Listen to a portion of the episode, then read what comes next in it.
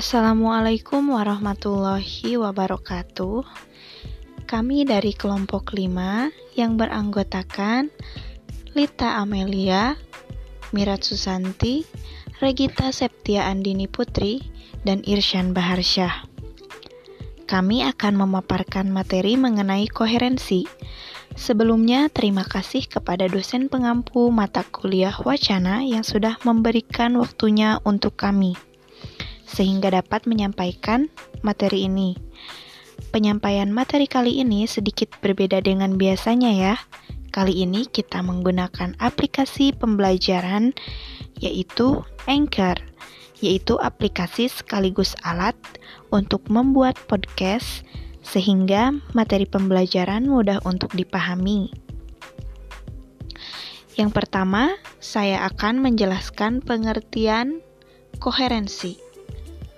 Koherensi adalah pengetahuan secara rapi, kenyataan, dan gagasan, fakta dan ide menjadi suatu untayan yang logis sehingga mudah memahami pesan yang dikandung. Adapun pengertian koherensi menurut para ahli, yang pertama, menurut Oka dan Suparno 1994 menyatakan Koherensi merupakan hubungan suatu antar kalimat atau antar bagian wacana, yakni hubungan yang serasi antara proposisi satu dengan proposisi yang lain, atau antara makna satu dengan makna yang lain.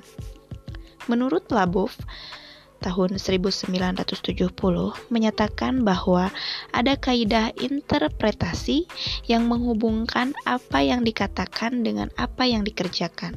Dengan dasar itu, suatu tuturan akan koheren atau tidak koheren tidak didasarkan pada ada atau tidaknya hubungan antar tuturan, tetapi lebih didasarkan pada adanya hubungan reaksi tindak tutur dengan tuturan sebenarnya.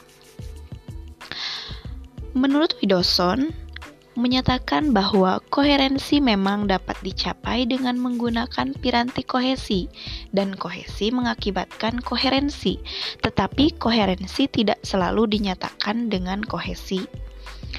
Apabila hubungan kohesi tidak ditemukan, kita dapat menggunakan piranti lain yang dapat digunakan untuk mengetahui koherensi sebuah teks. Piranti yang dimaksud adalah inferensi, implikatur, peranggapan, pengetahuan tentang dunia. Dikutip oleh Mulyono 1988.